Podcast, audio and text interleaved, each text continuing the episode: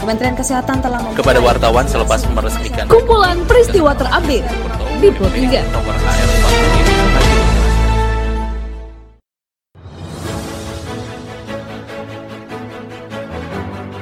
Halo pendengar, saat ini Anda sedang mendengarkan kumpulan peristiwa Pro 3. Pada podcast kali ini saya akan mengulas terkait isu-isu aktual yang saat ini masih hangat atau ramai diperbincangkan di sekitar kita. Tentu saja pendengar, nanti akan saya hadirkan cuplikan informasi dari reporter kami. Bersama saya Karisma Rizky, inilah kumpulan peristiwa Pro 3 di ruang dengan podcast Anda.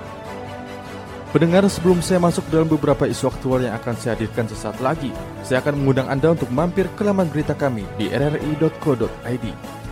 Anda juga bisa memfollow Instagram, Twitter, dan Facebook kami di @rri_programa3. Baiklah pendengar, inilah kumpulan peristiwa Pro 3. Pendengar juru bicara pemerintah Dr. Reisa Brotoasmoro mengingatkan masyarakat di seluruh wilayah untuk tetap disiplin menerapkan protokol kesehatan. Dr. Reisa mengatakan setiap elemen masyarakat dapat berperan penting menekan laju kasus aktif COVID-19.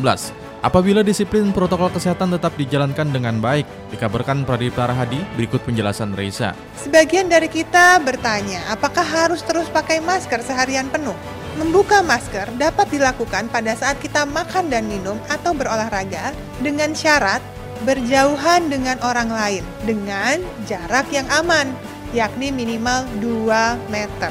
Dan lebih aman lagi apabila dilakukan saat kita sendirian, saat berada di ruang terbuka, dan saat tidak berinteraksi dengan orang lain. Jangan resikokan dengan membuka masker di ruang tertutup yang banyak orangnya. Saya jelaskan lagi bahwa virus adalah makhluk mikroorganisme yang dapat saja melayang di udara, apalagi di ruang tertutup yang bersifat aerosol. Pemerintah Provinsi Jakarta menghimbau warga ibu kota dan sekitarnya agar berada di rumah saja saat akhir pekan. Hal tersebut menyusul kembali melonjaknya kasus COVID-19. Dilaporkan Alfred Stuter berikut pernyataan Gubernur DKI Jakarta Anies Baswedan. masyarakat untuk sama-sama kita menyadari bahwa saat ini masih dalam kondisi pandemi.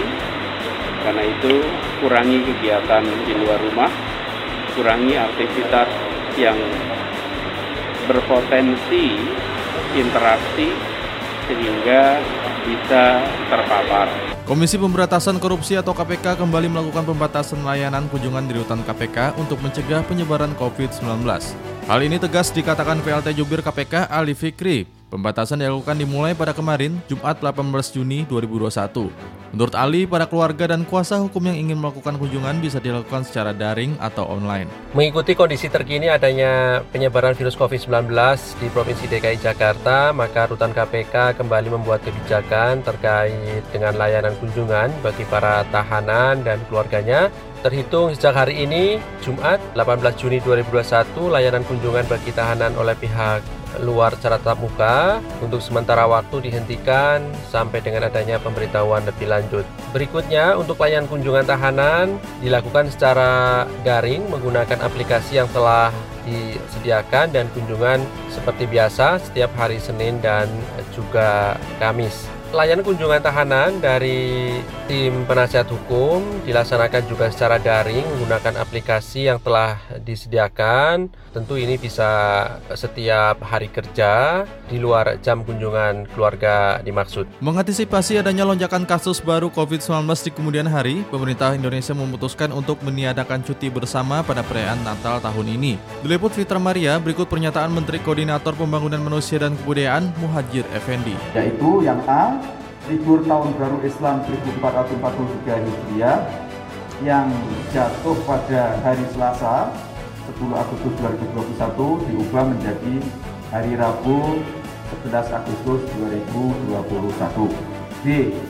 Untuk libur Maulud Nabi besar Muhammad Sallallahu Alaihi Wasallam pada tanggal 19 Oktober 2021 diubah menjadi Rabu tanggal 20 Oktober 2021.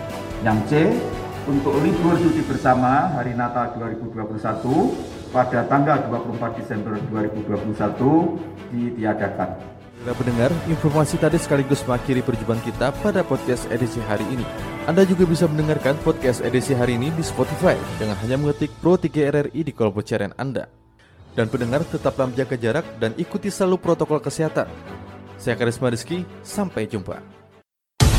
Kementerian Kesehatan telah membuka kepada wartawan selepas meresmikan kumpulan peristiwa terupdate di Pro 3.